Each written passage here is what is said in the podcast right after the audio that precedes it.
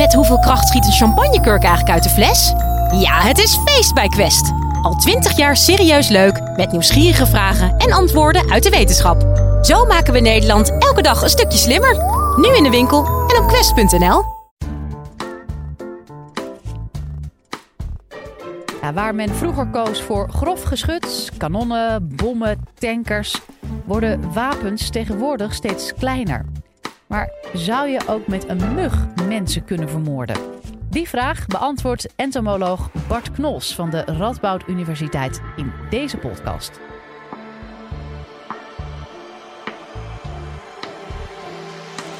Live vanuit Club Air is dit de Universiteit van Nederland. Kan ik een mug voor mij iets laten doen? En het hele korte antwoord erop is meteen ja. En ik zal jullie eh, in het komende kwartier gaan uitleggen hoe je dat allemaal zou kunnen doen. Ik kweek deze beesten gewoon in mijn laboratorium in Wageningen. Dus ik kan in principe gewoon heel veel muggen kweken en daar kan ik iets mee gaan doen. Ik gebruik een insect om als wapen in te zetten in de strijd. Dat kan heel makkelijk. Hij houdt zich verscholen in een grot. En ik kom gewoon met een kas met bijen. En ik schud die kas eens even goed door elkaar. Ik maak die beesten heel kwaad. En dan laat ik ze los in die grot. En geheid, hij zal eruit komen. Dat noemen we entomologische oorlogsvoering. En dat is echt gebeurd. Mensen hebben vroeger dit soort methoden gebruikt. Bijen om mensen op een gegeven moment uit een, een hol of een grot te jagen. Tijdens de Tweede Wereldoorlog, toen experimenteerden de Duitsers met de Colorado-kever. De Colorado-kever is een kever die zeer schadelijk is voor de aardappelplant. Vreet gewoon die, die plant op. En de Duitsers die waren uitstekend in staat om in grote aantallen die Colorado-kevers te kweken. En die hebben echt plannen gehad om gewoon met vliegtuigen naar Engeland te vliegen en dan over de velden in Engeland gewoon Colorado-kevers los te laten, zodat uiteindelijk mensen gewoon honger zouden gaan lijden. Is een prima wapen als je een strijd voert. Het echt gebeurd. Overigens, eh, dat is misschien leuk om te vertellen, overigens hebben ze een experiment ook ten zuiden van Frankfurt gedaan. Dat is een beetje uit de hand gelopen. En dat was dus de introductie van de Colorado-kever in eigen land, in Duitsland. Dus ze hebben, er, ze hebben een, koek, een koekje van eigen deeg gehad. Huisvliegen. Er zijn mensen geweest die hebben geëxperimenteerd met huisvliegen, onze, onze gewoon normale huisvlieg, die ze in zeer grote aantallen konden kweken. Je gooit vlees neer, je krijgt een hele hoop maden en daar krijg je vliegen uit. En wat je dan doet, is dan laat je gewoon die beesten, die dip je met hun pootjes in bacteriën, cholera-bacteriën bijvoorbeeld. En die laat je gewoon los. En die gaan naar haar boterham, zij eet de boterham op en ze heeft cholera. Er is echt mee geëxperimenteerd. Mensen hebben dit soort dingen gedaan. Vlooien, je kunt rattenvlooien inzetten voor de pest. Je kunt een rattenvlooi besmetten op een, op een rat die de, die de pestbacterie heeft. En zo kan ik uiteindelijk iedereen laten bijten. En dan krijgt iedereen gewoon de pest en gaat dood. That's it. De meest notoire uh, plek die er geweest is voor dit soort werk, dat was Unit 731. En Unit 731 die stond in Pingfang.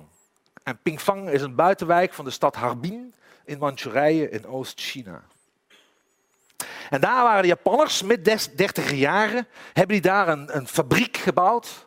Puur en alleen om experimenten te doen met insecten, om mensen te kunnen doden.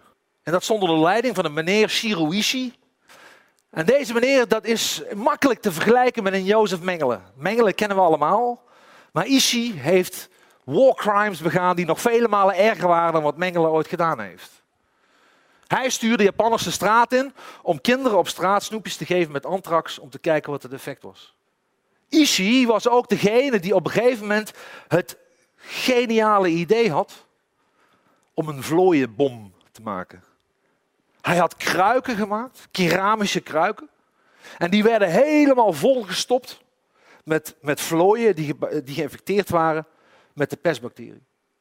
En dus vlogen de vliegtuigen van de Japanners vlogen gewoon boven China en dropte dan die kruiken midden in dorpen. Vlooien gingen naar mensen toe. Uiteindelijk zijn er in experimenten tussen 1937 en 1942 meer dan 600.000 Chinezen gedood door de vlooienbommen van Ishi. Dat weten we niet. Dat is allemaal echt gebeurd. Het was zeer uh, vreed. Hij had gewoon 12.000 mensen uiteindelijk die hij gewoon als proefkonijn heeft gebruikt. Om te besmetten met allerlei ziekteverwekkers om te kijken of je daar uiteindelijk oorlog mee kan voeren. Dus het heeft echt allemaal plaatsgevonden. De Amerikanen die leerden daar een lesje van. En ten tijde van de Koude Oorlog heeft de VS uitvoerig onderzoek gedaan naar biologische oorlogsvoering met muggen. En ze hadden daar een hele mooie naam voor. Het was namelijk Operation Big Buzz. En op een gegeven moment zijn de Amerikanen bezig geweest om een productiefaciliteit te bouwen voor muggen, waarbij 100 miljoen muggen per maand gekweekt zouden kunnen worden. 100 miljoen gele koortsmuggen. Die zouden ze dan besmetten met bloed wat geïnfecteerd was met virus. En dat zou je dan gewoon over de vijandelijke gebieden kunnen uitstrooien. Die Amerikanen zijn zelfs zo ver gegaan dat ze in 1951 hebben ze 300.000 muggen losgelaten boven eigen grondgebied, boven Georgia. Die muggen waren overigens niet geïnfecteerd met virus. Maar men wilde gewoon kijken als we muggen uit een vliegtuig gooien, overleven die die val naar beneden en kunnen die nog steeds mensen bijten. Dat is echt allemaal gebeurd. In 1981 is er een rapport verschenen van het eh, Department of Defense, dus het Amerikaanse leger, waarbij men zelfs berekeningen had gemaakt hoeveel het zou kosten om mensen te kunnen doden met muggen die we zouden hebben losgelaten.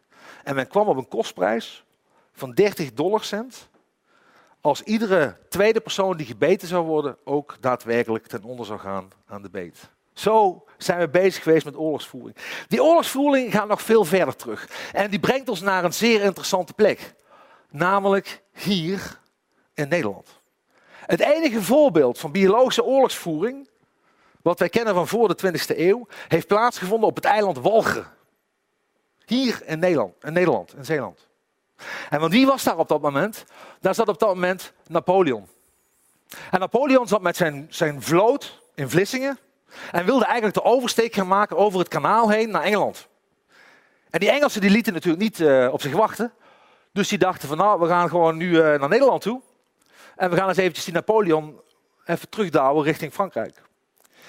En het gebeurde tot op 30 juli 1809 komen er 19.000 Britse soldaten aan op het eiland Walcheren. Die gaan daar bivakeren. En Napoleon die wist natuurlijk niks van malaria. Want in die tijd wisten we nog helemaal niet dat muggen malaria overdragen. Maar Napoleon schijnt wel gezegd te hebben, we moeten de koorts over ze uitstrooien. Hij wist al dat er een relatie lag tussen water, stilstaand water, en een ziekte die je koorts gaf. Dat wist hij wel. Heel clever. Dus wat heeft hij gedaan? Hij heeft delen van Walger onder water laten zitten. En die Britten die zaten daar in hun tentjes en die werden gewoon gebeten door onze Nederlandse malaria-muggen. En de een na de ander ging ten onder aan malaria. En uiteindelijk was het zo dat begin 1810, dus een aantal maanden later, waren al 4000 Engelse soldaten gesneuveld aan de gevolgen van malaria. Aan het front waren er minder dan 100 gestorven. Het is tot op de dag van vandaag de grootste nederlaag die het Britse leger ooit geleden heeft. Hier in Walcheren in 1809, 1810. De Pontijnse moerassen tussen Rome en Napels geeft het tweede voorbeeld van biologische oorlogsvoering, entomologische oorlogsvoering in de 20e eeuw. En dat gebeurde tijdens de Tweede Wereldoorlog. Wat vond er namelijk plaats? Tussen de jaren 20 en 30 had Mussolini had een groot project uitgevoerd, het Bonifica Integrale noemde hij dat. Dat was gericht op gezondheidszorg, op waterbeheersing en landbouwontwikkeling. In de moerassen tussen Rome en Napels. Die had hij droog laten leggen. En hij was er ontzettend goed in. Ze hadden namelijk pompen ontwikkeld om dat hele gebied mooi netjes droog te pompen de hele tijd. Toen de oorlog begon, waren de Italianen er ontzettend trots op om aan de Duitsers uit te leggen hoe ze dat allemaal voor elkaar hadden gekregen. En toen kwam de grote fout die de eh, Italianen gemaakt hebben, namelijk in 1943 switchen ze van de Duitse kant naar de kant van de geallieerden. En de Duitsers die waren natuurlijk op de vrek. Die dachten van, ah shit, die Engels, die, uh, die Italianen, vreselijk. En het was Himmler. Het was Himmler die op het idee kwam van weet je wat, we gaan die pompen, die gaan we gewoon opblazen. Zodat dat water in die moerassen weer terugkomt. En zo brengen we malaria gewoon weer terug in de Pontijnse moerassen.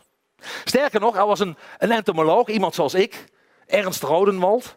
En die was erachter gekomen dat de Italiaanse malaria-muggen bij voorkeur broeden in brak water. Dus die kwam op het idee, weet je wat, we moeten niet al die pompen kapot maken.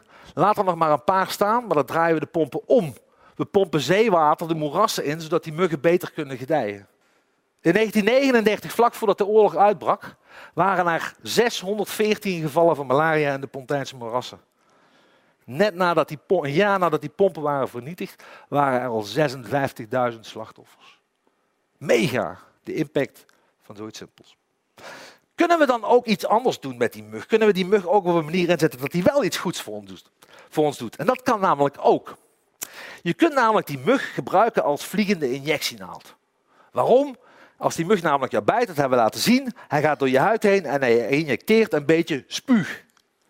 Dus als ik in dat spuug iets kan stoppen wat goed voor jou is, dan kan ik die mug gewoon gebruiken als injectienaald. Vaccineren. We kunnen misschien mensen vaccineren door muggen genetisch zo te veranderen dat ze jou op een gegeven moment gewoon een antigen geven waar je antilichamen tegen oproept en dan word je eigenlijk gevaccineerd.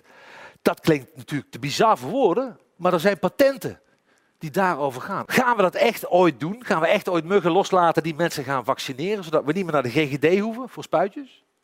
Nee, dat gaat niet gebeuren. Waarom? Twee redenen. A, de ene krijgt heel veel beter en de ander nauwelijks. Dus jij krijgt veel meer antigen dan hij. En daardoor is de vaccinatie hoeveelheid niet voldoende. En twee, hebben wij nou eenmaal wereldwijd afgesproken dat ik niemand mag vaccineren zonder dat hij of zij mij de toestemming daartoe geeft. En u begrijpt, als ik muggen loslaat, ja, die muggen gaan niet zeggen, vind je het goed? Dat gaat dus gewoon niet gebeuren. Dus daardoor zal het idee, al is het nog zo vernuftig, zal het nooit echt gaan plaatsvinden. We hebben echter de mug wel ingezet bij het genezen van mensen. Dat klinkt ook al wel heel bizar. Maar er is zelfs een Nobelprijs in de geneeskunde voor vergeven, in 1927, aan een zekere meneer Julius Wagner Jaurek. Hele serieuze man, als je me zo ziet. Toch? Hele serieuze man. En, en die Julius, die Julius uh, Wagner, dat was een Oostenrijkse arts. En die werkte met syphilis-patiënten. Seksueel overdraagbare aandoeningen. Syphilis. En wat had hij op een gegeven moment gezien? Hij zag dat als mensen een hoge koorts kregen, een flinke griep, dat dan in één keer die hele syphilisbacterie, die, die, die spirogeet, dat die gewoon, die kreeg ze flink op zijn donder. Dus je kon eigenlijk, hij was aan het spelen met het idee om koorts te gebruiken om mensen te genezen van syphilis. En die Julius die kwam op een gegeven moment op het geniale idee om te denken van weet je wat, die malaria-muggen, die kan ik natuurlijk gebruiken om iemand hup, te infecteren. Die persoon krijgt een hele hoge koorts, dan gaat die syphilis weer omlaag. En als ik zo door die koortspieken heen loop, paar dagen voel je je goed, dan krijg je hoge koorts. Misschien kan ik uiteindelijk gewoon die hele syphilis onder controle krijgen. En dat heeft hij gedaan. En dat is ook hier in Nederland toegepast. Wij hebben syphilis-patiënten gewoon behandeld door zo'n kooitje gewoon met malaria-muggen op iemand zijn dij te zetten. Die mensen die infecteerden we bewust met malaria-parasieten. Die werden heel erg ziek van die malaria. Dan waren ze van hun syphilis af en daarna kregen ze kinine om van de malaria af te komen en waren ze weer helemaal gezond. Ongelooflijk. Maar dat hebben we echt gedaan. Dus een mug als moordwapen. Kunnen wij inderdaad een mug inzetten als moordwapen? En het antwoord daarop is ja.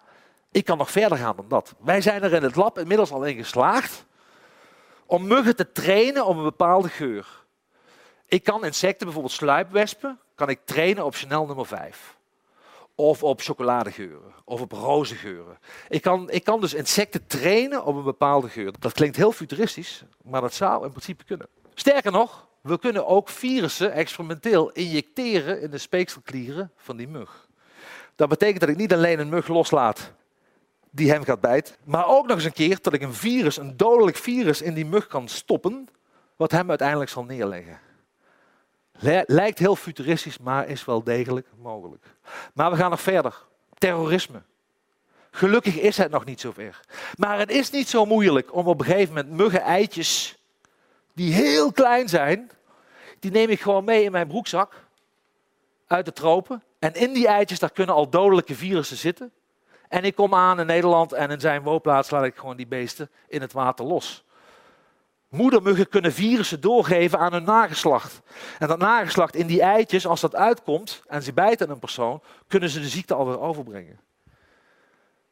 Dus terrorisme met behulp van insecten is iets waar we ons tegen moeten wapenen. Dus, waar kunnen we maar beter voor zorgen? We kunnen er maar beter voor zorgen dat we gewoon helemaal van die ziekte afkomen, want dan kan ook niemand ze tegen ons inzetten en gebruiken. En de vraag is natuurlijk, kunnen we malaria, die grote killerziekte, kunnen we die daadwerkelijk wereldwijd gaan uitroeien?